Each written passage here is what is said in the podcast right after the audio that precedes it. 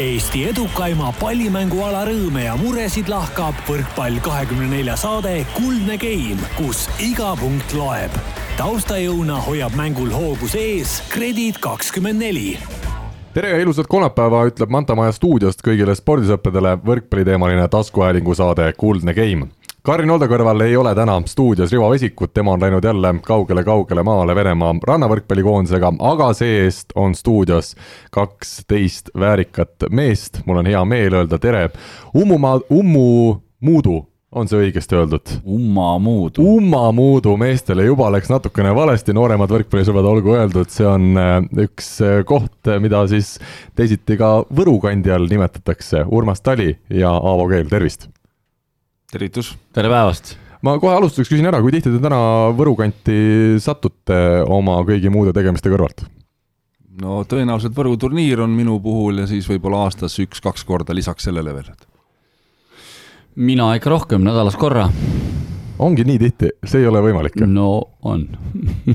aga tegelikult? ei, ikka jaa, võimalikult sellised äh, puhkehetked ma ikkagi olen proovinud ema juures Võrus käia, jaa. palju teid see palju teid Võruga täna seob, sina ütled, et sul on seal ema, Aavo, sinul ka vanemad veel seal? mul on, mul jah, ema-isa elavad Võrus praegu ja, ja, ja mõned, mõned, äh, üks tädi veel ja, aga äh, need, need nagu seovad kõige rohkem, jah. aga sul käib siis vastupidi, et, et sina kutsud nemad alati enda juurde, mitte ei lähe sinna külla nii tihti? Äh, no ema sõidab küll autoga veel vaatamata kõrgele eale, aga see tasapisi hakkame nagu seda asja ära keelama, et, et võiks bussiga hakata liikuma, et aga jah, et ega, ega me niisugune aastas kolm-neli korda nagu saame kokku, et. kui tähtis teie jaoks see Võru kant on? kas te ütlete mõlemad nii, et poleks te Võrust pärit, siis te ilmselt ei oleks võrkpalli juurde sattunud ja ilmselt ei oleks täna seal, kus te olete? ma ei oska, kas kas nüüd see nüüd nagu kõige suurem niisugune sidususpunkt on, aga ei, see aeg on eks meil tõenäoliselt lapsepõlves samasugune olnud, kus mingid kindlad spordialad olid seal linnas nagu eelistatud ja või ütleme, olid sellises äh, kindlas järjekorras, mida kindlasti, kindlasti pidi tegema, mida pidi proovima, et noh, üks, üks selge sõnum on muidugi, et see vana võrkpallikants ja, ja nii ta on praegu ka ju. ja Aavo samamoodi jah, et noh, lisaks võrkpallile meie põlvkonna ajast on seal, oli seal kindlasti suusatamine, kindlasti oli seal maadlus ja kergejõustik, et äh, korvpall oli vahelduva eduga, et äh, et see oli jah, kuidagi nagu loomulik, et äh, enamus poisse tüdrukuid, ma eeldan, olid siis nii-öelda võrkpallsuusatamine, see ikkagi hõivas nii-öelda lõviosa lastest ära, et mis need teised alad teil olid siis, ütleme, teine valik, mis oleks olnud, kui seda võrkpalli poleks olnud, kas Aavo puhul ma saan aru, et olekski suusatamise peale läinud? No mina ei tea, ma oleks rahvaste palli läinud mängima, mida siis tänapäeval tahetakse ära keelata, et mm. täitsa naljaks läheb asi kätte ära. tahetakse ära keelata või? no just lugesin mingit, mingit artiklit või kuulsin raadiost, eks on ju, et rahvaste pall on väga agressiivne ja rõhut-, õhutab koolikiusamist ja nii edasi, et, et no tegelege nüüd natuke mingi muuga, et kui seda raha liiga palju on, et, et selliseid uuringuid teha, et aga aga ma ei oska öelda, et mulle noh, mulle meeldis nagu joosta nii-öelda pikemaid maid, et noh, väga võimalik, et see oleks olnud siis äkki, äkki suusatamine või, või no mis iganes, seda on ju nii raske tagantjärgi öelda. Urmas, kuidas sul? mina käisin peaaegu kõik spordikooli alad läbi, alates suusahüpetest lõpetades maadlusega, nii et, et ma arvan, et kergejõustik oleks võib-olla niisugune teine valik olnud aga räägime sellest võrkpallist paari sõnaga, olge head, meenutage siis meie kuulajatele, tänu kellele teie see võrkpallitee alguse sai, kes teid seal alguses juhendasid? no minu tee sai kindlasti alguse kadunud Jaan Gutmanist, elasime ühes sellises viiekorruselises viie trepikojaga majas ja ja Jaan Gutmann organiseeris meid siis ehitama nii-öelda võrkpalli ja sellist miniatuurset jalgpalliplatsi, et et kuna ta nägi, et me üle selle vaiba kloppimise puu kogu aeg seda võrkpalli püüdsime seal mängida ja võttis poisid kokku ja sealt siis tuli minu võrkpalli suunamine ka kindlasti tema poolt. minu esimene treener ja suunanäitaja oli Taivo Rohtmaa, kes siis omal ajal samamoodi tegi seda oma põhitöö kõrvalt ja, aga meil oli väga head aastakäigud ja, ja see oli niisugune väga, väga huvitav start minu jaoks igal juhul. palju te üksteisega kokku Võrus puutusite, kui üldse? Urmas on nii palju noorem, et ta ei jaganud tööd ega mütsi, kui, kui mina, kui mina juba tegusid tegin ja, ja et, et Urmas mängis mul vennaga mingi aeg nagu koos nii-öelda spordikooli tasemel seal, et, et siis äh,, aga jah, et meil vanusevahe liiga suur, et me ei saanudki koos mängida. ma soovin Aavale siin vahepeal õnne, eilse, eile oli sul sünnipäev jah, minul ja Hiina ra- Rahvavabariigil peaaegu sama vanad, et ligi seitsekümmend, et Hiina on seitsekümmend, ma olen, hakkan lähenema sinna. aga järgi vist ei jõuagi. noh, Hiina võib aja tagasi pöörata veel. Hiina jah, et äh, kui Hiina uuesti sünnib, et siis äkki jõuan ikka. vahepeal soovime õnne Mari Arakule, Eesti koondise temporündajale, kel täna on kahekümne viies sünnipäev, nii et hoopis tähtsam päev kui eile oli Aaval. Urmas, palju sa siis Aavost noorem oled ja mis sina temast mäletad? mina olen Aavost noorem kaheksa aastat või? See on ikkagi lapsepõlves meeletu vahe ei, ega selles mõttes mina teadsin neid Akseli kaudu neid lugusid, mida nad suvel kõik korda saatsid seal seitse, kuuskümmend kolm, sorry jah, seitse aastat. Aavo näitas vahepeal. ma tean jah, kõiki näppude peal. neid, neid lugusid, mida nad seal tegid ja millega nad hakkama said. millega nad hakkama said, mida aga, siis sina mäletad aga seal oli lihtsalt see, et, et siis, kui jah, me käisime ikkagi, meie treeningud olid põhimõtteliselt ikkagi Võru esimeses keskkoolis ja spordikooli kui niisugusesse võrkpallikantsi meid üldse ei lubatudki, et see, me saime sinna tulla alles siis, kui me olime vist eh, juba nagu C-klass vist, aga selle aja peale olid juba tsikk ära läinud, nii et seal ei olnud seal meil suurt vahet, niisugust aga mis need lood olid, mida siis ikkagi seal räägiti? kuuskümmend viis aastakäiku poisse ma veel mäletan, kellega me koos seal vahepeal nüüd aaglasime, nooremad, aga ei no kõike, mida nad suvises äh, augustikuises ettevalmistuslaagris korda saatsid Võru linna vahel ja siis äh, või ütleme, treeningute vahelisel ajal, et et sellest räägiti igasuguseid huvitavaid lugusid ja, ja õpetlikke momente oli kindlasti seal rohkem kui niisugust nalja ja tagaajamist. aga tagantjärele vist endast kõige rohkem õpitate, õpitaksegi, eks poiste, poiste nooruspõlve juurde see teinekord peabki käima juurde. nojah, et eks igaüks teeb oma tembud varem või hiljem ära, kes teeb lihtsalt rohkem, kes vähem, et, et aga aga jah, et eh, tol ajal olid sellised väga tõsised, noh, ma pean silmas just treeningute mõttes, et eh, olid natuke teised võimalused tõenäoliselt, et selliseid pidevad treeningud alates ma pakun seal ikka juuli lõpust juba hakkasid käima, et augustis oli täistuurid peal, et, et et äh, ümbruskond ja tingimused olid nagu head, et kui oli vaja joosta ja hüpata ja muid asju teha, mindi kubjale ja palliasjad aeti Võru välisväljakutel äh, korda ja, ja selles äh, nii-öelda tolleaegses uues spordikoolis, et, et jah, tingimuste üle küll kurta kindlasti Võru, Võru meie põlvkonna inimesed ei saanud. mul on hea võimalus siin täna küsida treeneritelt, meestelt, kes siis igapäevaselt juhendavad meie noori ja ka vanemaid mängijaid. Kuivõrd suur vahe siis selles võrkpallitreeningute ülesehituses on täna võrreldes selle ajaga, kui teie mitukümmend aastat tagasi siis Võrumaal hakkasite võrkpalliga tegelema, kas see, kas see vahe on meeletu ja seda ongi võimatu sedasi mõõta või te ütlete, et sarnaseid asju on palju? ma vastan ära, sest minu vastus on lühem, sest mina olen noortega nagu ääretult vähe tegelenud, ainult nendega, kes on nagu võistkonda võetud, noh, nii-öelda gümnaasiumi öö, klassidest, et öö, eks need poisid peavad taluma siis enam-vähem ikkagi neid treeninguid, mis nagu meestega tehakse, et noortega minul jah, kokkupuude või noh, nii-öelda lastega on, on ikkagi väga minimaalne, et, et Urmas öö, saab rohkem nüüd rääkida. rohkem rääkida. ei, ma nagu mõtlen seda, et kui mina Võru spordikoolis kaks tuhat üks alustasin seal nooremate ja lastegruppidega, et ma arvan ka, et praegu need ajad on juba see kakskümmend aastat või kaheksateist, üheksateist aastat on juba nii palju muutunud, et kui ma täna vaatan neid noori treenereid, kes siin selle esimese, teise, kolmanda klassiga tegelevad, siis see on äh, sellega vist enam nagu hakkama ei saaks. et need asjad on ikka kardinaalselt muutunud, lihtsalt see juba niisugune jah, U kakskümmend ja sealt ülespoole on suhteliselt ikkagi niisugune tõsisem sport juba erinevates kohtades, aga ikkagi sinna suunda on ta läinud et igal, igal elemendil järjest professionaal-, professionaalsemaks, et äh, oli ju see, et treener mingil hetkel pidi valdama kõiki oskusi teadmisi nüüd on need asjad ikkagi nii lahti arutatud ja igasugused spetsialistid on olemas, kes saavad sind vajadusel aidata, nii et noh, ma arvan, et ühtepidi on kergem, teistpidi on ta võib-olla nagu niisuguse iseenda mõttemaailma jälle kokkuklopsimisel on ta natuke keerulisem, et aga noh, nii no, nagu ikka. Siin on Eestis ka räägitud seda, kes meil välismaale on läinud mängima, et et Eestis äh, ei tehta asju nii hästi noorena, kas teie olete minuga selles suhtes nõus, et ega võrkpalli abc ongi lihtne ja kõige tähtsam on ikkagi see tegelikult lõppkokkuvõttes, et see treener need põhiasjad mängijatele selgeks teeks, et et ei oleks, ütleme mina isiklikult, mulle tundub, et nii kriitiline ei oleks selles suhtes, et, et Eesti noortetreenerid siin jätavad äh, mingit tööd tegemata, et pigem vastupidi, et et need asjad ju, kui me vaatame, kes meil täna koondises mängivad, kui kõrgel tasemel, siis järelikult on siin Eestis asjad pigem hästi tehtud. no mind äh, vahetevahel natukene häirib või ärritab, ma ei teagi, mis see õige sõna on, selline sõna nagu see välismaa, et, et äh, et kuskilt maalt äh, noh, et Eestis peab välja mängima minema saama, et vahepeal tekib niisugune tunne, et kui eestlane läheb Albaaniasse mängima klubi võrkpalli, siis on kõik jube hästi, et et loomulikult, kui küsimuses on need võrkpalliriigid suured, kes siin nagu medaleid jagavad ja kus on nagu läbi aegade läbi aegade tugeva, tugev klubivõrkpall olnud, et, et see noh, see, see on nagu selge, et tähendab, sinna peab minema, kui võimalus tekib, et aga veel kord, et kohati jääb selline tunne, et see välismaa, et, et kui me räägime välismaa noortesüsteemist, et äh, jälle ma puht oletuslikult võin öelda, et, et, et miks arvatakse, et seal tehakse nagu jube hästi neid asju, et tõ-, tõenäoliselt suured klubid äh, kui siin Pärnuga kahe tuhandes või sajand, peale sajandivahetust käisime seal, istusime kaks nädalat Itaalias, mängisime erinevate esiliiga ja kõrgliiga klubidega, siis nägime seda noortevärki ka seal, et, et ma nagu julgen pakkuda, et, et need klubid jah, et seal, kus on need äh, noortesüsteemid ja kus on nagu võimalus, et, et seal see asi ongi nii, nagu Urmas räägib, et äh, on kaasatud erinevaid asju, spetsialiste, kes on, oskab liikuvust arendada, kes, mis, iganes, eks on ju, et aga ma arvan, et niisugune täiesti tavaline meie mõistes klubi või spordikooli töö, ma arvan, et ei ole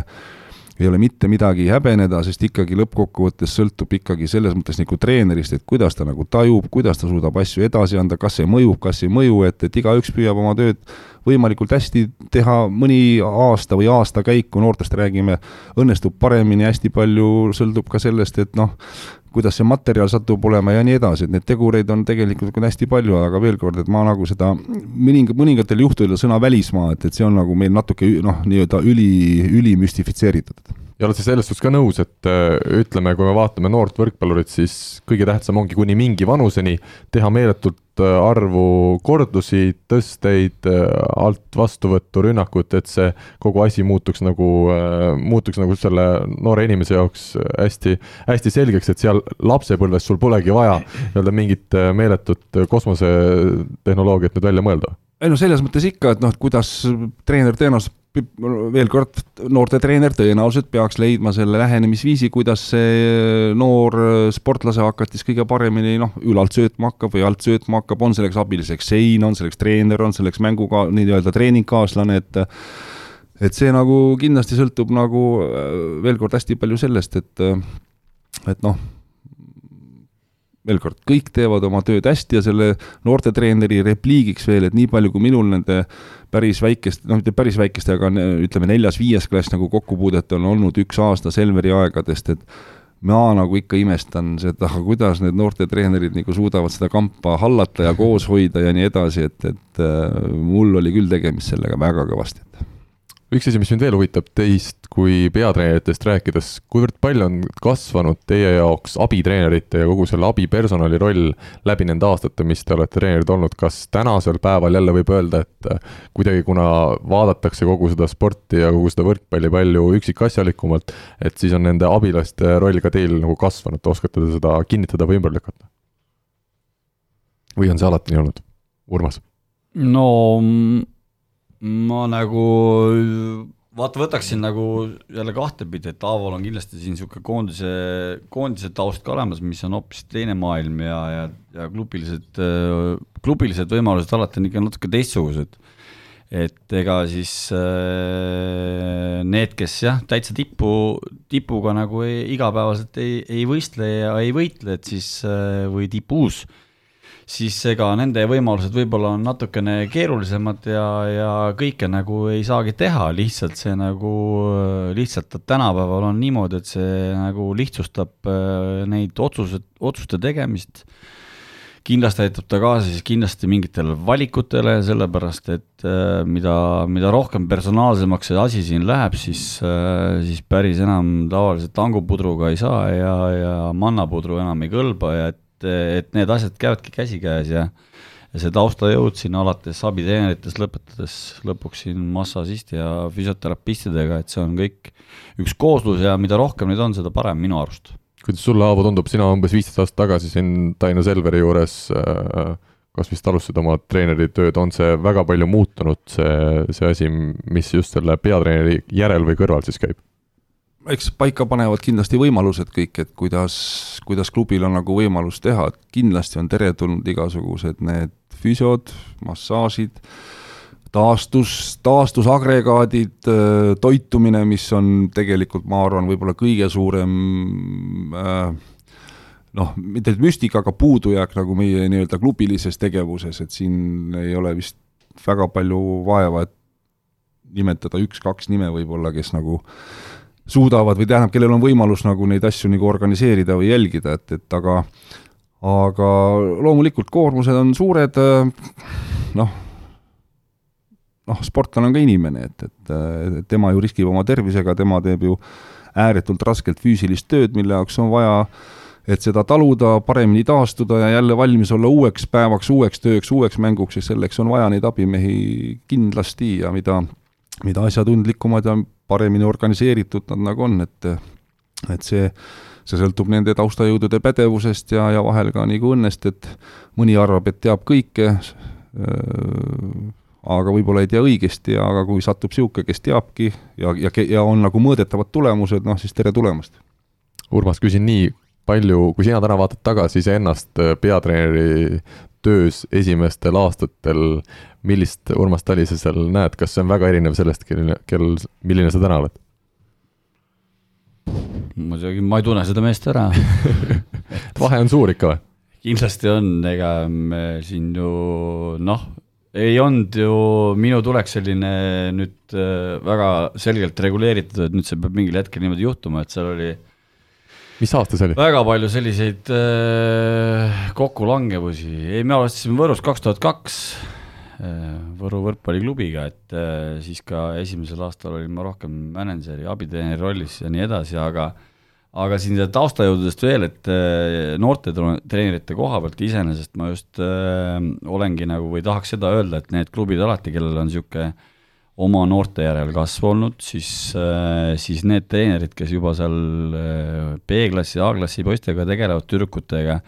siis tegelikult äh, nende niisugune osalemine ja, ja, ja treeningprotsessis nagu sees olemine, see annab väga palju tegelikult ka noorte võrkpallil juurde. et seesama, nii nagu Aavo ütles siin, et mõni arvab juba, et teab kõike, et seal on väga palju selliseid nüansse, mis tegelikult on võimalik nagu äh, niisugust täiskasvanute võrkpallist nagu noortele üle viia mis on ainult kiiresti arendav, et see on äh,, ei tasu nagu karta, et me kohati oleme võib-olla kohati äh, sellised tagasihoidlikud, ei julge mingi koha pealt nagu riske võtta, aga tegelikult ongi seesama üks proovimine ja see tipp on kah samamoodi raske, raske ja suhteliselt ikkagi piiri peal kõndimine kogu aeg, et ega,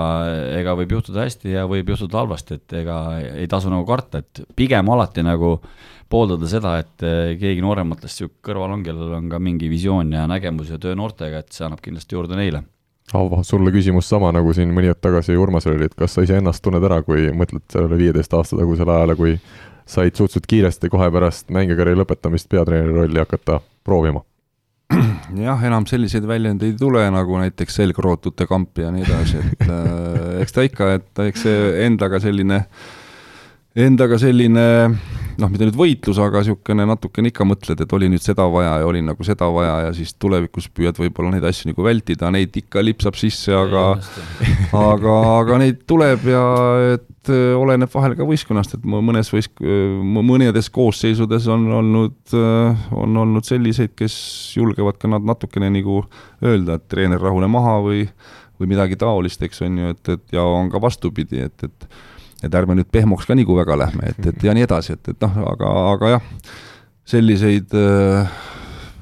pikemaid pursatusi ma arvan, et selle aastatega on jäänud vähemaks, kuigi aga, neid tuleb ette, et. aga palju teie käekiri, mänguline käekiri on muutunud nende aastate jooksul? küsimus mõlemale. no ma võin käekirjast siin väga selgelt öelda, et käekiri muutub kogu aeg mängijatega, seal ei ole nagu äh, seal ei ole nagu äh, võimalik nagu ühtset sellist äh, šrifti nagu pidadagi, et see ikkagi on äh, ühtepidi seotud selle pildiga ja mis igal treeneril tõenäoliselt on, kuidas ta tahaks seda võistkonda nagu mängima panna, teine asi sellest poolest on ikkagi see, et millised mängijad sul on, et ega sa ei saa ju kunagi teha mitte midagi sellist, mida pole võimalik nende mängijatega teha, et pigem, pigem tuleb leida niisugune hea kompromiss, mitte äh, mitte pehmoks jääda või siis, või siis väga karm olla, aga, aga see on ka mängijate puhul niimoodi, et ega, ega võistkonnad ongi erinevate nägudega, teinekord lihtsalt sõltub sellest, kui palju on mingi võistkond koos olnud ja kui palju nad jäävad kokku, et kui ikkagi vahetub neli-viis olulist meest iga aasta, siis see võistkond iseenesest muutubki Aavo, kuidas sina vastaksid sellele küsimusele? eks ta suure, suures pildis samamoodi, et see sõltubki, et kes sul seal selles selles meeskonnas nagu on, et, et tähendab, mis mängijad on, mida keegi nagu oskab ja, ja nii-öelda mida ei oska, aga lõppkokkuvõttes on see ikkagi selles, selles mõttes nagu treeneri selline tunnetus või nägemine, kuidas ta selle ära tabab, et, et üks treener võib näha ühes mängijas, et jah, et see on, vot oskaks tegelikult või võiks niimoodi olla hoopis nii, tuleb võtad samas nädala pärast teise treeneri selle sama, sama, meest hindama, sealt võib tulla hoopis teistmoodi hinnang, et et eks ta, eks ta nii ongi, et, et kõik inimesed on ju selles mõttes erinevad ja ka treenerid, et, et, et sealt see, sealt need õnnestumised ja ebaõnnestumised, mis käivad alati käsikäes, et sealt need nagu tulevad, kes kõige paremini selle ära tabab ja kes suudab sellist tööd teha, et see toob kõige suuremat nagu või noh, kõige kasulikumat tulemust, et tuleme Eesti koondise juurde vahelduseks, küsin teiltki, mis muljet teile jätsid Eesti koondise mängud Euroopa meistrivõistluste finaalturniiril, kas teie olete oma peas mõelnud välja mingi konkreetse põhjuse, mille taha meil see finaalturniir seekord läks? Või oli seal pigem väikeste asjade kõikide nagu kokkulangemine? ma arvan, see oli ühte ja teist, et,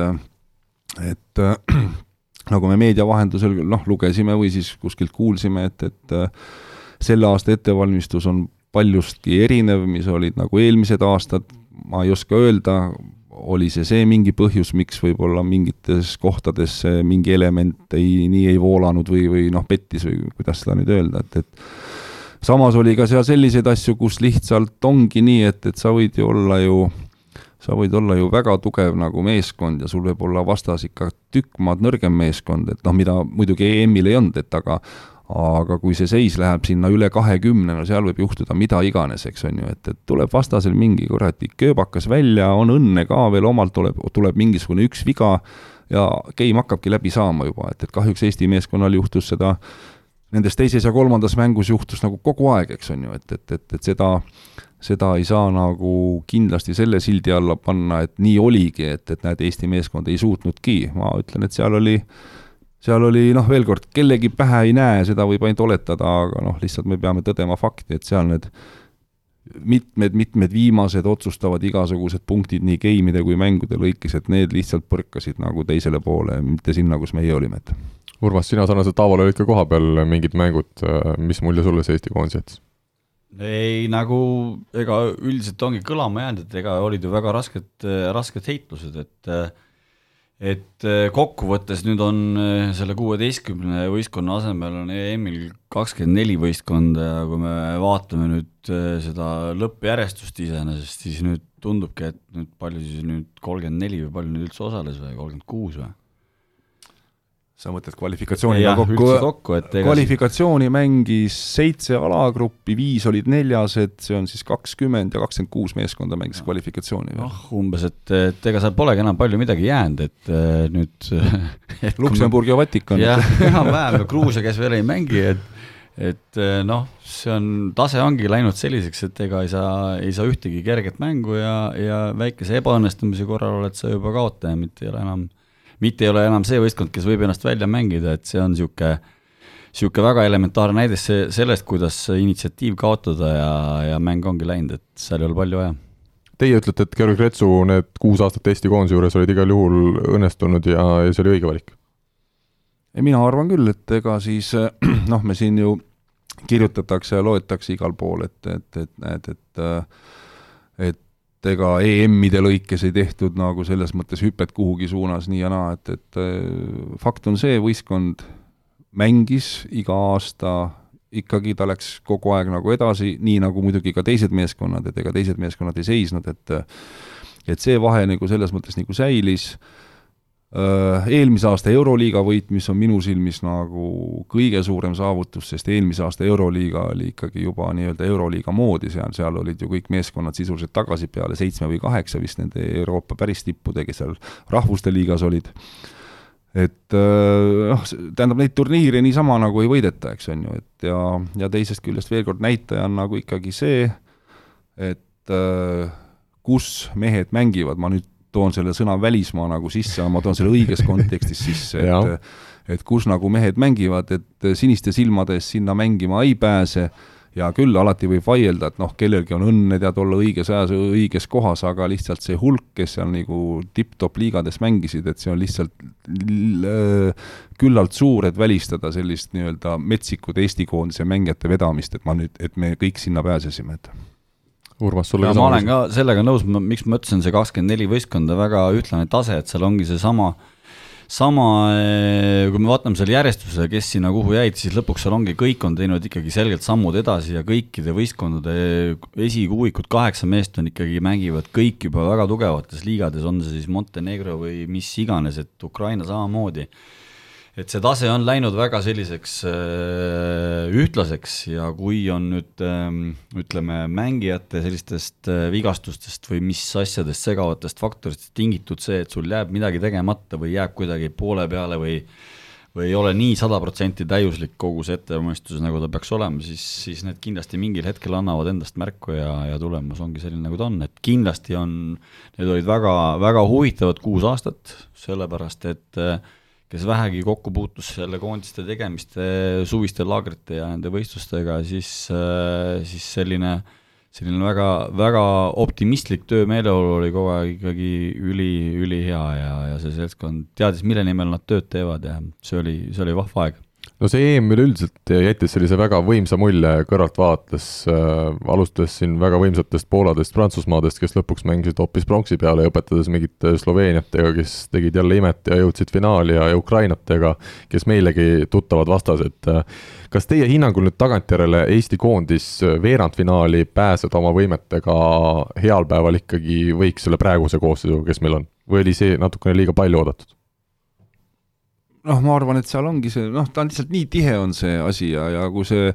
veerandfinaali pääs sinna kaheksa sisse, see sõltub, see sõltub tegelikult ühest mängust, et, et sa ei tea ju kunagi, et, et meil ei ole noh, vaja kaugele minna, et on siin Eestis, on siin igasugustel tiitlivõistlustel, rahvusvahelistel ja koondiste mängudel on ju neid ühe mängu tulemusi on ju selliseid ju küll ja küll võtta, eks on ju, aga nüüd, nüüd niisugust noh, vaata Sloveenia üllatus, ma nagu hakkaks seda sõna üllatus natukene nagu tuhmimalt kirjutama, sest et Sloveenia on teist korda hõbedal siin nelja aasta jooksul, ta on siin MM-il on aga selles suhtes sa oled nõus, et Bulgaaria, Venemaa, Poola, kolm võitu järjest selliste riikide üle, et seda ilmselt vähesed oskasid oodata? no loomulikult ma räägin, ega, ega siis äh, tähendab, Sloveenia ei koristanud seda Vatikani ja Luksemburgi tee pealt ära, et, et nad, nad võtsid ikkagi nii-öelda läbi aegade võrkpalli suurriike tõmbasid sealt kõrvale, eks on ju, et et ja veel kord, kui neli aastat tagasi olid nad hõbedal vist, eks on ju, MM-il kas olid, mis nad olid, kolmteist või üheksa või midagi, sellist, midagi taolist, ehk et seal on see asi nagu olemas, et see ei ole enam üllatus, et me võime Soome kahe tuhande seitsmenda aasta nappi väljajäämist finaalist ja lõpuks kaotust pronksimängus Serbiale, seal, seal tekib nagu küsimus, nagu Erik Jaago kunagi küsis, et ühelt mängijalt koondises, et kes eksis väga lihtsa palli, küsis, et kas oli juhus või ongi nii, ehk et noh, nii-öelda Soome tõin sellepärast sisse, et et äh, hakati ka rääkima, et nüüd on, kõik on vägev ja kohutav ja tipp-topp, eks on ju, siis ikkagi vastused on, annavad nagu järgnevad aastad, ehk et kui seda nagu korrata või sinna lähedalegi pääse, enam ei pääse, siis, siis lihtsalt, siis, siis lihtsalt ongi nii või on juhus, eks on ju, et ma küsin sellise küsimuse teilt, kes te olete Eesti koondise mängijaid äh, üsna lähedalt äh, päris paljusid näinud, kes teie hinnangul oma positsioonil tänasel päeval on kõige lähemal maailma tipule? ja kes sinna, ütleme, lähiaastatel võiks jõuda, mis teie selline hinnang on või, või arvamus? no maailma tippu nagu seda on nagu väga raske hinnata, ma nagu pigem äh, ütleksin seda, et äh, kes millises klubi võrkpallis ikkagi suudab nagu äh, selgelt olla seal platsi peal kogu aeg, et see juba ongi maailma tipp, et ega, ega jah, ähm, liiga tasemed on erinevad, aga, aga ütleme niimoodi, et no Itaalias olla ikka kuue hulgas, siis väljaku peal, siis on ikka põhikoosseis on ikka põhikoosseis ja, ja ma arvan, et kõik, kes sinna sammu lähemale teevad ja kastist välja saavad ja vahetuspingis enam ei pea olema ja ja ongi väljaku peal, siis see ongi juba maailma tipp, ega muud maailmat meil polegi kui Euroopa ja. jah, et see tipu piiri tõmbamine, et see on nagu alati selline, et kuhu, kuhu me selle nagu piiri tõmbame, et, et ega siis noh, kui me räägime siin meie kolmest Euroopa liigast, noh, reeglina, kes nagu tõenäoliselt on seal Itaalia, Venemaa, Poola, eks on ju, et sinna noh, ma eeldan nagu tulemuste poolest siin läbi aegade siin klubide mm, et noh, kindlasti võib sinna Brasiilia ka liigitada, sest need Brasiilia koondised, kes on nagu olnud kõrgetel kohtadel, ega nende mängijad on ju suures enamuses mänginud nagu kohalikku liigat, pluss veel toetavad jõud sinna peale, ehk et et kus me selle piiri tõmbame jah, et, et, et selline, selline jah, et aga noh, loomulikult on selliseid mängijaid, keda nagu noh, Leonid ja asjad ja keda nagu lihtsalt lihtsalt nad on seal ja nad ongi head, et aga, aga ma arvan, ülejäänud on niisugune võrdsete meeste suht lai võrdne võitlus, et kas Täht on täna kõige parem Eesti võrkpallur? Väga võimalik, et, et on, et sellele annab vastuse nüüd jälle, tähendab, mitte vastuse ei anna, vaid mingisugusegi vastuse annab nüüd järgmine hooaeg ja, ja, ja jah, ja mingisugune võib-olla ülejärgmine hooaeg annab jälle parema vastuse või kehvema vastuse, et aga aga noh, kui vaadata nagu selliseid äh, nagu et kellest meie nagu koondis nagu koosneb, ütleme nii-öelda, mängurollide järgi, et, et noh, et siis võib-olla ma nagu julgeks ikkagi neid kogu kompotina tempomehed nagu esile lükata, et, et seal on nagu niisugune päris vägev seltskond, et kui me neid samu tempomehi, nooremaid Aganit, Sadamemaad ja siis veel Tähte ja, ja Teppanit, nurga- ja, ja diagonaalründajat äh, vaatame, kas teie hinnangul neil kõigil meestel on ikkagi paremad päevad veel ees, on nad kõik veel nii-öelda arenemisfaasis oma karjääris? no nad on siin nüüd kakskümmend kuus, seitse sellises vanuses, see on ju alles algus, ma arvan, mingi kümme-viisteist aastat tagasi oleks võinud öelda, et kolmekümneselt hakkab võrkpall läbi saama, praegu tundub, et et sealt nagu need parimad aastad algavad, hakkab jah, et ega, ega siin noorte pealekasv ongi selline natukese pika vinnaga meil, et see, kes kahekümneaastaselt mängis aastaid tagasi, siis nende vanus hakkab siin kakskümmend kolm olema, kes nagu hakkavad kah, muidugi ju, loomulikult on erandeid ja on üksikuid selliseid väga häid noori, kes juba tulevad ja koputavad, aga ma arvan, et et kui siin võtta nüüd ähm, Euroopa nüüd põhivõistkondade niisugused tipud, siis kolmkümmend, kolmkümmend äh, peale on niisugune täitsa okei okay aeg, et siin on kõik alles ees, küsimus on see, et mis sealt tagant järgi tuleb. oled nõus, Aavo? jah, ja eks seal sõltub individuaalselt natukene niisugusest bioloog-, bioloogilisest kellast ka, et, et kellel see, kellel see hakkab nagu varem tulema,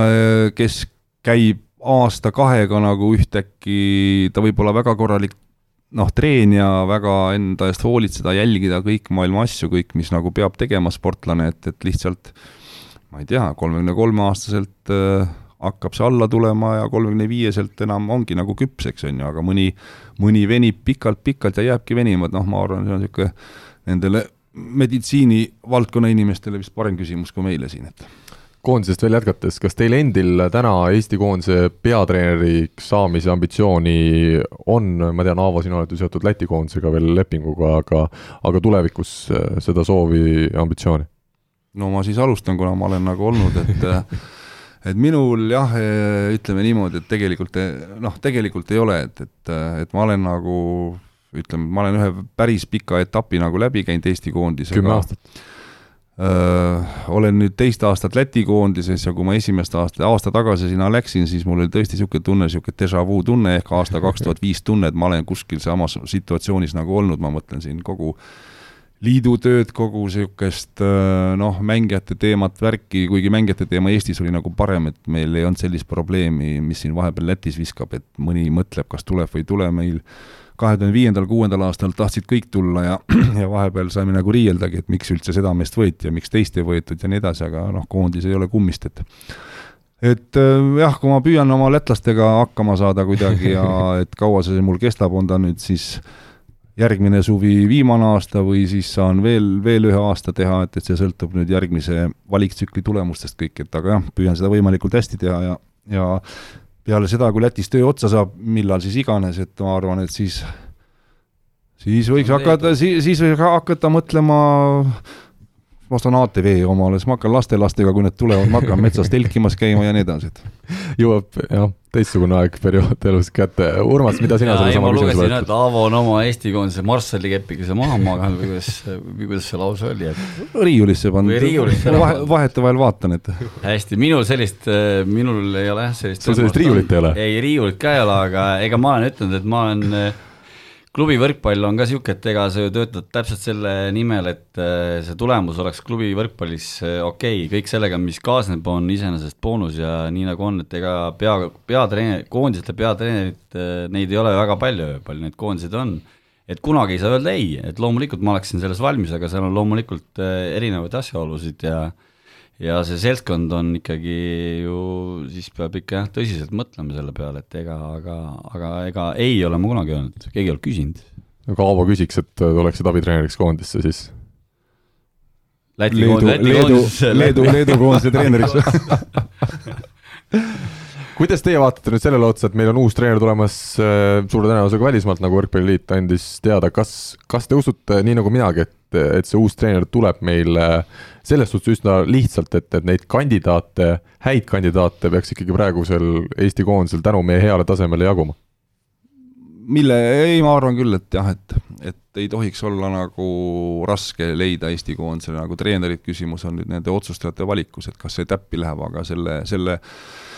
selle kohta või vastu ei ole nagu kunagi mingit garantiid, et, et sa ju ei tea neid asju kunagi ette, et, et loodame, loodame parimat, et kõik õnnestub. Mina mina ütlesin oma kommentaari selle kohta, et äh, ikkagi, ikkagi rahakott on see, mis määrab ja ja ma nagu ei tahaks näha, et see keegi tuleb oma isiklikku CV-d siin täitma mingi, mingi Euroliiga võiduga või mingi sellise isikliku ambitsiooniga, et lihtsalt ära teha see kas või siin korraks, et seal peaks ikkagi nagu ühtepidi pikem visioon olema, kuidas see asi nüüd omavahel kokku panna ja kes see inimene, kuidas see käib ja kuidas see Eesti võrkpall nagu korda läheb, et need on nii, nii palju erinevaid tahke on seal, et ja ja küsimus ikkagi on selles, kes see persoon üldse võiks olla ja, ja, ja mismoodi, et seal on,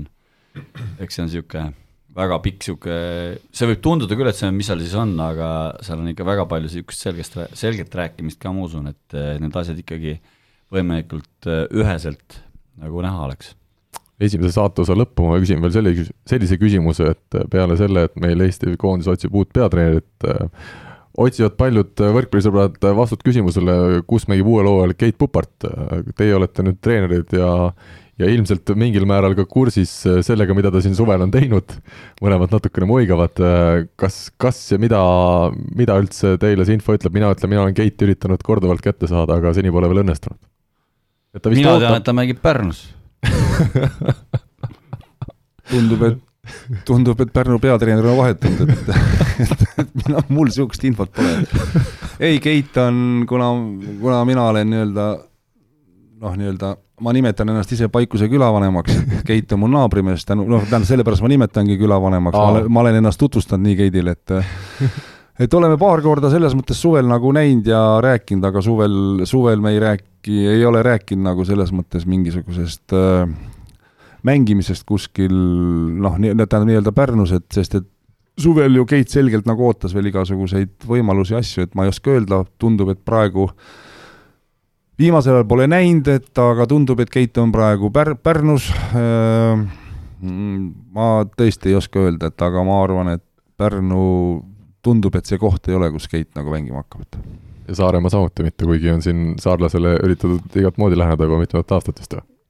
Ei, ma arvan, et väga konkreetselt ikkagi sellel aastal jah, et,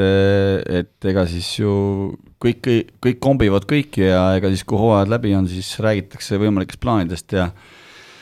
tulevikuvisioonidest, eks siis, siis oli nagu neid, ma usun, et allmõtteid rohkem, võib-olla on neid nüüd olukord võib-olla jah, natuke nagu konkreetsemaks saanud, aga mis seal nüüd täpselt laua peal on, kes, seda me vist ei ole nagu õiged mehed kommenteerima, jah noh, me nagu ei teagi seda, eks Mhm, on ju, et aga noh, fakt on see, et kummaski võistkonnas ta praegu pole ja, ja ju ta, ju ta otsib, ju ta otsib ja, ja ootab, ootab, kaalub variante, et näis, milliseid neid tuleb, et aga loodetavasti ikkagi Euroopa veel tippklubides võiks Keit ühe-kaks hooaega kindlasti mängida, usute seda? no jälle ei tea ju midagi, viimane aasta jäi teatud põhjustel, mitte mängulistel põhjustel, noh, ma eeldan, jäi tal sisuliselt hooaeg vahele, et, et aga vastused saame siis teada, kui mees on platsi peal ja, ja kui on tippliigades, siis on hästi, kui ei ole, noh, eks siis näeb, et kuidas mees välja näeb. aga mis tähendab mitte mängulistel põhjustel? seal oli siis treeneriga, sa pead silmas? no ma, ma, tähendab, naised saunas rääkisid, et, et jah, et, et Paikuse saunas rääkisid, et et äh, jah, et seal olid natukene treeneri sellised natukene noh, teised eelistused millegipärast, et see ja ei puutunud võib-olla kõik nagu võrkpalli, et selge, aga võtame ette järgmise teema. küsimusmängu toetaja on teamshield.com oma disainiga spordi ja vaba aja riided Teamshield.com'i küsimusmängus eelmisel nädalal küsisime siis natukene sellise omamoodi küsimuse, mitmenda koha teenisid profivõrkpallur Rivo Vesik ja meelelahutusärimees Rando Maidla kahe tuhande üheksandal aastal Tallinna rannavalle meistrivõistlustel. loomulikult ei olnud need medalikohad, sealt mingit auhinda ei saanud, see koht oli üheksas kuni üheteistkümnes jäid siis jagama ja, ja õigeid vastajaid oli meil üksteist annan võimaluse seekord äh, nooremal mehel Urmasel, kes veel meie saates ei ole käinud, erinevalt Aavost, öelda üks number ühest üheteistkümneni. kaheksa. kas see oli su enda mängija number? jah. selge, siis ei soovita noortel võrkpalluritel number kaheksat endale võtta ja number kaheksa on Martin Roos, palju õnne, Teamshield.com'i erilahendusega legendide särk. Urmas ja Aavo olete te kursis, Peeter Raig, Villar Loor ja Gert Toobal on meil selle särgi peal. selline särk läheb neile Te võiks ka sellise väga ilus disain. vaatasin, jah. Jaanus Nõmsalut tasub kiita, eks? no nii, nii ja naa. olen, olen jah, diagonaalis särgi üle vaadanud, et, et ei ole süvenenud. selge, aga uus küsimus. mitu Eesti meistritiitlit on Aaval ja Urmasel kahe peale kokku Eestis siis eh, peatreenerina ja kõiki vastuseid ootame info, et võrkpall24.ee või võrkpall24 Facebooki lehe sõnumitesse ja välja pannakse jällegi seesama erisärk, nii et äh, tasub, tasub vastata. aeg on välja selgitada nädala tegija. aga nüüd nädala tegija rubriik, samal ajal kui äh, Urmas veel siit küsib kõrvalt, et äh, miks see number kaheksa nii kehva on. kolmas koht, Mart Naaber, kakskümmend häält ja, ja ütleme nii, et Mart on seal Soomes küll löönud ukse jalaga lahti, olete te nõus minuga, väga kenasti nii kontrollturniiridel mängis kui ka nüüd siis Soome liiga esimestes kohtumistes kuusteist punkti ja, ja kaksteist pluss punkti vastavalt Oulu Etta ja Raisio Loimu vastu. jah, selles mõttes eh, tublid tulemused ja annaks jõudu samamoodi jätkata, et, et hooaeg on pikk see ei oleks tohtinud üldse küsimus olla, et kas ta seal hakkama saab, et see on selge, et Mart saab Soomes väga hästi hakkama, küsimus, küsimus ongi seal, et kuidas see kõik võistkonna komplekt kokku sobib ja, ja tundub, et praegu sobib, et see on ainult positiivne. palju on Mardil täna veel arenguruumi, me teame tema meeletut kasvu, kakssada kaksteist sentimeetrit, palju tal on veel nii-öelda paremaks minna kõikides nendes tehnilistes asjades ja mängu lugemises? mina küll ei oska öelda, kindlasti, kindlasti, mõned aastad kindlasti on paremaks veel, veel võimalik minna, et veel kord jälle, kuidas välja, kuidas lähevad asjad kokku, kuidas ettevalmistus õnnestub, kas midagi segab, on, tuleb mingisugune tui-tui-tui mingi nagu spordis ikka, mingi vigastuse teemad ja nii edasi, kes on järgmine aasta võistkonnakaaslased, kui no ma noh, see on kõik, see on ju kõik ennustamine hästi suur, et aga et ühesõnaga, te usute, et Mart on veel valmis nii-öelda ühte aastat oma karjääris edasi astuma, et ei ole oma lage veel kätte saanud? Ei, päris kindlasti, arvestades seda, kui suhteliselt hilja ta ikkagi nagu võrkpalli tuli, siis ega, ega ei ju igapäevaselt tehakse ju samamoodi seda treeningut ja proovitakse paremaks saada, et ega siis see kuhugi ei kao, lihtsalt on see aeg ja maht ja kui palju midagi tehakse ja ega siis paremaks minna on alati võimalik ja kõigil. ja küllap Oliver Lüütsepa käe all ta seal saab, ma arvan, hommikuti ka tihti mingeid eratrenne, mis, mis aitavad tal tõesti paremaks saada aga teine koht, Anu Ennok, nelikümmend kuus häält, ka tema siis Soome kõrgligas mängimas ja ja tõesti kahel esimesel mängul oma uue, uue klubi Salovi Eesti ridades Soome valitseva meistriga tegu ja Anu on seal varemgi ju mänginud. mängis siis nii hästi, et kahel esimesel mängul kohe valiti mõlemas nii-öelda ükköstähteksi, nagu kaks Soomes, Soomeski treenerina ja mitte treenerina, vaid mängija ja treenerina siis tööd teinud mehed siin stuudios teavad. no mida teie Anu Ennoki kohta ütlete ja palju te üldse naiste võrkpalli jõuate oma tegemiste kõrvalt jälgida? ikka jälgin selles mõttes, aga loomulikult mitte nüüd sellise, sellise pilguga ma ei oskagi võib-olla jälgida nii-öelda, et seda naiste võrkpalli nii, nii-öelda puhtprofi pilguga, et kuna naised suht tundmatu maa võrkpalli suhtes. Et äh, ei, Anu on ju läbi aegade on ju stabiilne, et ükskõik, kus ta siis mängib, et, et ta oli ju, kui ta äh, eelmine Soome periood oli, ta oli ju siis ka ju väga, väga hinnatud ja väga tubli, et, et äh, jah, ei ole selles mõttes, et ju need tähed õigesti anti siis. Mina nägin Anut äh, Võrus, siis kui naiskond oli koondise laagris seal veel ja siis just rääkisin ja küsisin täpselt sama asja, et mis ta nüüd siis, et et kas see on nagu tagasiminek siis ta ütles, et ühtepidi on see nagu kindlasse vette minemine või ujuma minemine kindlasse vette, aga ta ütles, et, et koosseis on ikkagi selline, kus kohast on tal kand-, kandev roll ja ta pigem oli ikkagi väga optimistlik, et see tuleb niisugune tõsine aasta ka ja see eurosari, mida neil mängida on, et no paistab, et ta ikkagi on nagu valmis ka selleks, et see on väga okei okay no Anu oli siis Soomes ükköstähti, aga meil vähemalt äh, lugejad hindasid selle nädala ükköstähteks ikkagi meie oma tähte, Robert Tähte. Äh, Perugia eest kohe esimeses kontrollmängus neliteist punkti Siena vastu, no loomulikult need kontrollmängud ei, ei ütle sisuliselt mitte midagi, ma vaatasin ka, kuidas, kuidas seal mängiti ja, ja mida, siis ma arvan, et, et need kõige tähtsamad mängud ikkagi jäävad veel kaugesse tulevikku Robil selle võistkonna eest. aga, aga mida teie nüüd Robist laiemalt äh, ütlete, kuivõrd suur tõenäosus tal on hakata regulaarselt mängima seal Perugias? no Leon, eks noh, tõenäoliselt see juba, tema on seal, eks. ta istub no, seal väljakul, jah. jah, et nüüd see Plotinski, et no Plotinskit nägime siin kahes viimases mängus Ukraina eest, et ei olnud sugugi veenev ja tegelikult eelmise aasta kokkupuude nii-öelda Pärnu klubiga selle, mis nad olid, Monza siis või? Monza vastu, et, et kah nii ja naa, et, et ootasin vähe kohutavamat nagu inimest sinna, et aga aga veel kord, mina arvan, Plotinskiga läheb selles mõttes rebimiseks nüüd seda Lansat või kes seal on see neljas, et ja. seda ei ole au isiklikult tunda, et, et tõesti ei oska kommentaari öelda, aga mina arvan, et täiesti kõik võimalused olemas ja ja Robbie on noh, mõnes mõttes nagu niisugune äh, efektne mängija ka, et situatsioonides, et, et ega neid, neid hetki ei saa nagu alahinnata, eks on ju, et, et, et meil oli ka siin kunagi äh, kui eelmine riigikord ja oli nii-öelda selline klubi nagu Tallinna Kalev, et siis oli ka, oli selliseid mängumehi, kes kes lõid palli kaks korda kolme meetri sisse ja siis oli, kõik rahvas teadis, et see on nii kõva mängumees, et aga pärast, kui äh, Heino Aunini käsitsi kirjutatud vihikusse numbreid hakati vaatama, mida nimetati statistikaks, et siis tuli välja, et äh, suhteliselt mõnes mängus ei, natuke kahjulikum see mängija, kui, kui nagu need kaks-kolme meetri lööki näitasid. aga teate, minul on nüüd hea võimalus siin kahelt spetsialistilt küsida, et mina kõrvaltvaatajana, mulle tundub nii, et Robert hakkab nüüd uuel hooajal esmakordselt ikkagi mängima sellises täielikus maailma tippklubis, kus tal ongi ümber Wilfredo Leon ilmselt, kui ta on väljakul, ja Atanassijevitš siis veel Serbia diagonaal ka, et väga võimalik, et Robil hakkab tekkima seal hoopis rohkem ka võimalust särada, kuna tal on kõrval nii head mängijad, kas te olete sellega, olete sellega nõus, et tal ei pruugi sugugi mitte raskemaks minna seal väljakul olemine, vaid hoopis kergemaks kui näiteks Izmiris või, või Lubinis? no kõigepealt ikkagi seda, et äh, Itaalia liiga on äh, taseme poole pealt ikkagi tipp, on ju, seal on nüüd äh, juba, ma arvan, et treeningprotsess on selline, kus kohas väga paljud asjad äh, loksuvad nii palju paika ära, et seal äh, üldiselt nagu ehkusid ei ole, et seal minnakse suhteliselt kinda peale välja. jah, üks asi õige, mida Haavo ütles, niisugune efektiivsus või niisugune nagu mis iganes show seal peab asja juures käima ka, aga nii nagu on, et punkte selle eest juurde ei anta, küll antakse seda, et et selline atmosfäär, mis seal tegelikult igas mängus on, on ju tegelikult väga super ja, ja, ja, ja ma ütlen, et tase on seal äh, ikkagi nii, nii piiri peal, et seal nagu selliseid, et, et kui sa oled hea, siis sa oled väljakul. kui sa oled ikkagi kehv olnud, siis sa sinna väljakule ikkagi ei saa, et see on, see on nagu selge.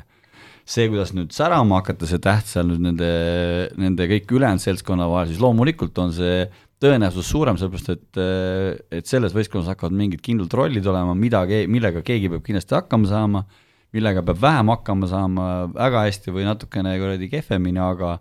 aga loomulikult seal on noh, seal on, kõik on niisugused luubi all kogu aeg, et ega ma usun, et äh, see ainult, see ainult lisab vürtsi kogu asjale juurde. Avo, kuidas sulle tundub seesama asi, et, et on Robil, ütleme, oma täiesti võimalus seal kohe, kohe särama hakata eeskõige, eelkõige tänu sellele, et ta ise on hea mees, aga ka tänu sellele, et ütleme, ümber on nii kõvad mehed, et plokk ei jõua teda võib-olla nii kõvasti jälgida kui siin Izmiris näiteks. nojah, ja ma arvan, et tähendab, kui Izmiri koosseis kõrvutada nüüd äh, praeguse klubi koosseisuga, et esiteks noh, nii palju kõvemad mehed on nagu treeningprotsessis ümber tema, et, et, et see annab juba kindlasti palju juurde, ma mäletan, Ardo Kreegil oli ka ju teema, kui ta läks vist oli see Varssavi klubi, kus ta Poola nagu läks, et aga seal oli mingi, seal on mingi välismaalaste seadus oli ka, et palju võib Poolas platsil korraga nagu olla, eks on ju, ja ja Ardo oli seal, ma ei tea, kas neljas välismaalane, et, et aga lihtsalt see, et isegi kui sa nagu Tallinna Selverist siin, ta läks vist Selverist sinna Poola. jah, minu arust oli küll. ta läks nagu, et isegi kui sa nagu aasta istud aga sa pääsed sellisesse liigasse, sellisesse seltskonna, kellega nagu aasta otsa trenni teha, võib-olla saada korra kaks platsile või neid harjutusmänge seal mängida, et, et juba see tõenäoliselt väärib nagu sinna minemist, et kas nüüd teist aastat veel järjest, see on, hakkab olema küsitav, aga aga jah, ma arvan, et Robil tuleb mänguaega ja veel kord, tema kvalitatiivne hüpe kindlasti paljuski tänu sellele, et see seltskond, kellega igapäevast tööd teha, et see on lihtsalt äh, nii palju kõrge tase, tasemelisem, kui oli Izmirist. väga hea, läheme järgmise teema juurde. mängija profiil, üks inimene, erinevad vaatenurgad mängija profiilis oleme me üldiselt valinud välja ühe konkreetse mängija, kellest äh, me lähemalt räägime, aga mina hoopis seekord küsin meie stuudiokülalistelt lähtuvalt, et kes on äh, mängijad, keda teie nüüd mõlemad olete juhendanud ja kes on selline kõige silmapaistvam nendest. kas seesama Robert Täht või on siin äh, valikuid, valikuid veel? Mõtlike nägudega. no kui sa Robit nimetasid, et mina olen Robit juhendanud siis ühe MM-tsükli lihtsalt, mis oli minu koondise viimane tsükkel, et äh, Urmas on väiksest peast Ro-, Robertit treeninud, aga noh, me ju siin äh, mängijad ikkagi on klubides nagu vahetanud, et ma arvan, see oli äh, oleks pidanud andma rohkem ettevalmistusaega, et, et, et rasked küsimused. rasked küsimused, jah. küsimused jah, et, et ega siin noh, Urmas oli Pärnus, osa Pärnak- või tähendab, mõned mehed, kui mina Pärnu tulin, olid seal, veel ja nii edasi. teate, et... aga mul tuli mõte, võtame Andrus Raadiku kohe siitsamast Pärnu meeskonnast, mees, keda te läbi ja lõhki mõlemad ilmselt äh, tunnete äh,. olge head, rääkige sellest, mis temast just need esimesed mälestused on, millised äh,, milline mängija ta noorena oli? või siis nooremana? Urmas? Nooremana, seal on nüüd kaks tuhat üksteist, siis kui ma läksin Pärnusse, siis oli Reiaga otsisime Raadiku ülesse kuskilt Katlamaa juurest, kus ta mingit haljastustööd tegi parasjagu. Ja oligi nii, ja ta oli nagu väga kõhkleval seisukohal, kas see võrkpall üldse tema jaoks on mingi niisugune asi, et ajasin sealt multsa, multsa hunniku otsast alla ja rääkisime juttu ja siis ta nagu võttis selle asja ette, et ega, ega ta oli, ma usun, sellel hetkel, kui mina teda esimest korda nägin, suhteliselt teelahkmel, kas, kas selle võrkpalliga edasi minna või mitte siis, äh, siis tagantjärgi on jah see, et eks ta käis kõik erinevad rollid seal äh, erinevates võistkondades läbi, et küll nurka ja keskele, mis iganes, et, et võib-olla see oligi tema otsimise aeg. ma ei tea, minu jaoks oli ta selline ühtepidi väga niisugune usaldusväärne isik, sellepärast et kapteniks ta mõlemal aastal oli seal ja ja kui oli vaja, siis ta nagu suutis seda võistkonda siduda ja kui, kui oli vaja, heas mõttes suutis lõhkuda, et ega et ütleme niimoodi, et koostöö oli ainult meeldiv mina Andrust tegelikult, kui ma hakkan mõtlema, siis äh, ma nagu varasemast tõesti nagu ei mäleta, et mina hakkasingi siis mäletama, kui, kui siin äh, äh kas nüüd aasta ennem või, või siis see aasta veel kord, ma, ma ei oska öelda, kui Urmas sinna nagu läks, et, et noh, järelikult kui ma ei mäleta varasemast ajast, siis ju ta üks niisugune hambahari oli, eks on ju, suht ühekülgne, eks on ju, et, et et muidu oleks meelde jäänud. aga siis, kui jah, kaks tuhat kümme või kaks tuhat üksteist, et siis oli nagu noh, Raadik oli olemas ja mängis, millal vaja oli küll katkise luuga ja nii edasi, eks on ju, et, et, et äh, äh, aus, aus inimene äh,, väga otsekohene. Sobivad, sobis selle, selline karakter teile? ei, minule kindlasti sobis, et mul ei olnud, mul, mul Andrusega, mis ta siis mul oli, kaks aastat või? või kolm äkki või kaks, kaks kindlasti, et et ei olnud selles mõttes nagu probleeme ühtegi, et, et ma ei oskagi öelda, et oleks nagu Andrusega kuskil mingit noh, tülitsenud, et koondisest, aga universiaadi, nii-öelda B-koondises oli ta ka, universiaadil käis, et seal oli ka ju, tahtis kõik tribüünid ära lõhkuda, kuhu pall läks ja lõhkuski ja siis sai vist mingi õla lõi veel sinna vastu ära, et ühesõnaga noh, kartmatu mängumees ja niisugune nii-öelda mustvalge inimene. et ütleme, mees, keda iga treener oma võistkonnas nagu näha tahab just selle isikuomaduste poolest? ja ma usun küll, et ega ta oli eh, suhteliselt eh, kompromissitu nende suhtes kui ka oma kaasmängijate suhtes, et, eh, et ega alla, alla ta ise ei teinud ja ei lasknud ka kellelgi teisel teha ja ja lihtsalt võib-olla jah, see tema koondise karjäär nüüd, tema nüüd sellist vanust vaadates, et Aavo nad ei tahtnud teda kuidagi sinna koondisse kuidagi võtta, et näeb, nüüd on siis niisugused üksikud aastad talle siin võib-olla jäänud veel, et aga et see, lihtsalt see karjäär oleks võib-olla tal koondises olnud, kui ta oleks selle asjaga võib-olla varem pihta hakanud, jah, nii tõsiselt, nagu ta seda nüüd teeb, et kui me vaatame tema sellist suve siin tagantjärgi, nagu ta ise on rääkinud, et mida ta kõik selleks ära teha on püüdnud, et nagu professionaalne sportlane välja näha ka kui professionaal, et siis, siis oli seal arenguruumi ikka kõvasti. kas see haljastus nüüd pärast seda kahe tuhande üheteistkümnendat aastat on Pärnus jäänud ligadi-logadi, et kui, et järgmine suvi sul enam ei olnud vaja sinna veedma minna? ei, ma arvan, et ta isegi suvel otsis endale ikka mingit niisugust kas see nüüd meelelahutuslikuks tegevuseks saab nimetada, aga mingit niisugust kuradi näputööd ikka, et ega, ega nii vist oli, ma arvan küll, jah. nüüd saab need näputööd seal koondises tehtud? noh, nüüd on ta jah, juba igal pool mujal. aga jah. No Andrusega üks niisugune lõbus seik, et kui mina oma võrkpalluri mäng, või tähendab, võrkpalli mängis, mängimise ära lõpetasin kaks tuhat neli, et siis oli, Andrus oli ju, tuli sinna Pärnu ESS-i. ja siis mina olin nii-öelda niisugune mänedžeri rollis seal ühe aasta, enne kui ma Selverisse läksin ja siis äh, poisid elasid Pärnu hotellis, kellel siis elamisega oli mingil moel probleeme või kes tahtsid siis omaette olla ja siis seal oli üks mingi intsident, kus siis, kus siis mingid võõralinna poisid elasid ka seal ja siis läks natukese väikseks jõukatku, katsumiseks, mille käigus lõhuti vist hotelli mingi toa uks ära ja ja siis ma mõtlesin, kuidas ma seda rahvi teen nüüd, et, et siis ma võtsin need süüdlased ette, üks oli Andrus ja ütles, et kuule mehed, te teete iga päev teete trenni ja te ja nüüd te jäite teiseks, et kus see häbi ots, et sellepärast nagu teen teile trahvi, eks on ju, et no Raadikul oli häbi, et jäi teiseks väga hea ja meil on aeg minna saate viimase osa juurde.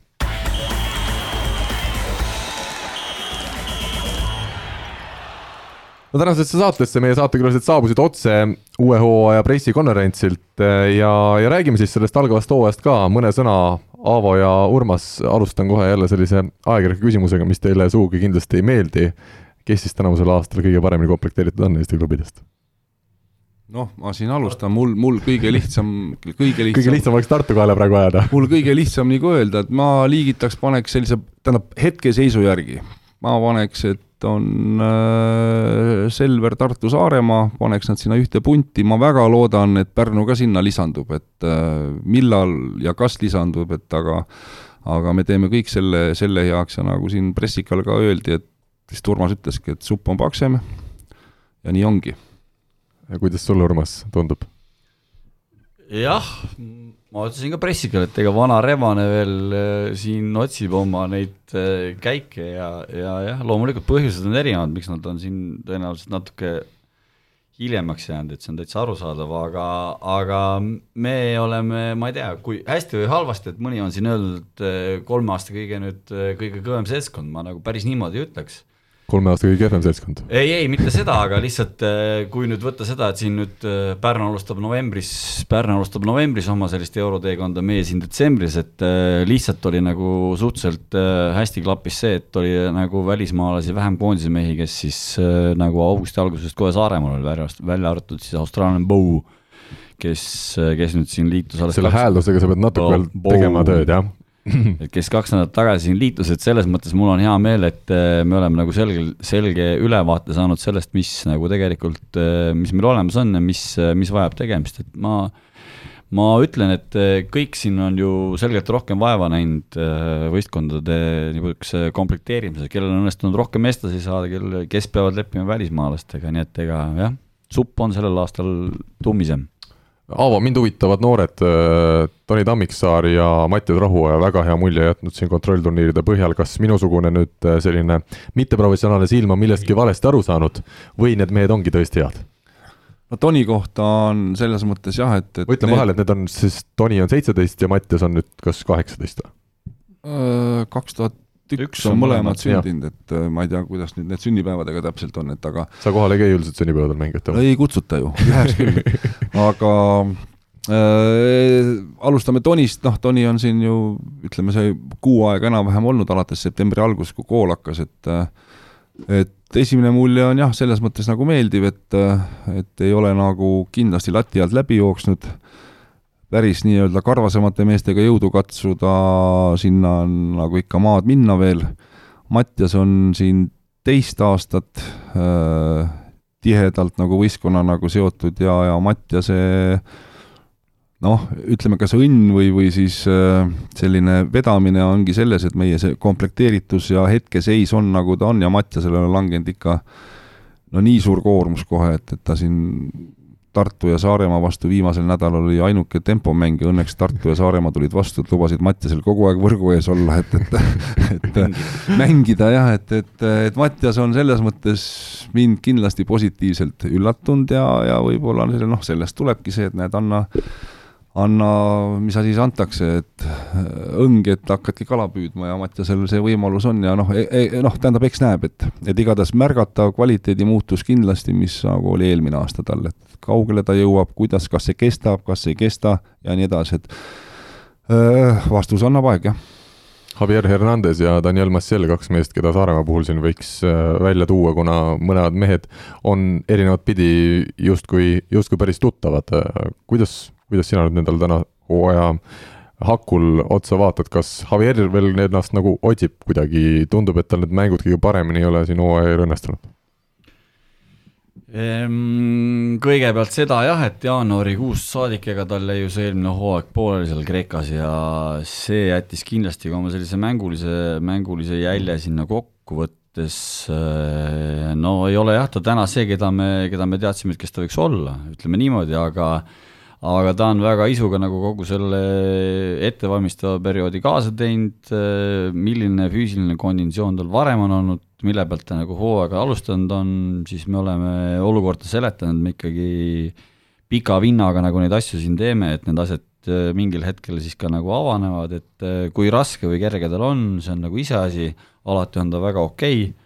et ei ole küsimust, kõik on hästi alati, et äh, eks see mängupilt on selline jah, millega siin äh, võib ju alati vähe nagu sõna võtta, aga ma arvan, et tal on veel aega ka, et ega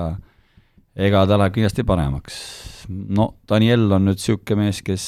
kes oma niisuguse innuka, innuka sportlasena ja professionaalina tahab hirmsasti kogu aeg teha ja teha, teha, teha ja nii et kakskümmend neli tundi talle tundub mõni päev on nagu vähe, et ta teeks veel ja veel ja veel ja veel. annate juurde siis? ei, et seal ongi nagu küsimus selles, et see nagu kuidagi niisugune hea vahekord nüüd tööl puhkusel tuleb leida, et eh, kui need mängud siin pihta hakkavad, et üks asi on nagu treeningpool, teine asi on siis ikkagi, kui need mängud tulevad, et siis sellist väga head nagu värskust ja niisugust nagu teravust ka pidada ja, ja, ja nagu kesta pikalt, eks see peaks olema nagu eesmärk. üks huvitav küsimus ka siia vahele veel, kui Aavosul oleks võimalus Saaremaa võistkonnast täna kohe ja praegu praamiga üks mees Pärnusse tuua terveks hooajaks, kes see oleks? ainult üks või? no ainult ühe, see esialgu praegu aitaks ka välja natuke, ma arvan, sind kurat, ühest ei, ühest on no võta kaks, võta kaks, kaks, nii pikk, võta kaks. kaks või? väga hea, siis ma Urmas on täna lahke. siis ma tooks sealt kohe ühe tempo ära, vahet pole, kelle ma sealt võtaks. Äh, tähendab, tempo tuleks kohe ära tuua hetkega. ja siis võtaks Palmar ühe, tagasi Pärnusse. siis võtaks ühe nurga ka veel, et äh, aga millise? et nurga võtaks jalg kerge jalaga poiss, et tooks Oho. selle ära, et jah. koos oma vigastustega, mis tal praegu paistavad olevat? vigastused on mööduvad ja tulevad ja mööduvad ja tulevad, et mis seal ikka aga vastus Urmas, kaks mängijat Pärnu meeskonnast otse praami peale. nojah, siis oba kuule, siis ei olegi midagi enam selle järgi, et nii ei, ma siin nüüd noorte juurde tagasi tulles Avole ka veel, et ega see on väga super, et need saavad seal mängida ja teine asi, need on ikkagi kaks tuhat üks koondises, noortekoondises nagu ka põhitegijad, et eks see on, eks see on väga positiivne pool, et eh, sealt meeste liigasse järjest nagu poisse juurde tuleb, et eks see on siis eh, meie noortekoondise treenerite niisugune üks igapäevane tööpõli ka, et kõik need niisugused eh, noorte tiitlivõistlused, mis on vaja koondise tasemel ära mängida, peakski olema see, et lõpuks ikkagi on mehi võtta nii pingi peale kui platsi peale siin nüüd äh, viiel võistkonnal, et see, see on väga positiivne ja et need asjad seal lähevad õiges suunas. sa tulid tagasi noorte juurde, ma tulen tagasi oma küsimuse juurde, kes sealt Pärnust siis tuleb hakkama? sealt ei ole kedagi võtta praegu. no kedagi ikka peab võtma, sa võid kas või Aavo võtta kaasa. ei no siis ei jää ju kedagi, siis on, siis on peaga läinud ja. jahimeest on vaja võistkonna juurde või ei ole või isiklikku jahimeest kaela sealt ära ma ikkagi ootan vastust.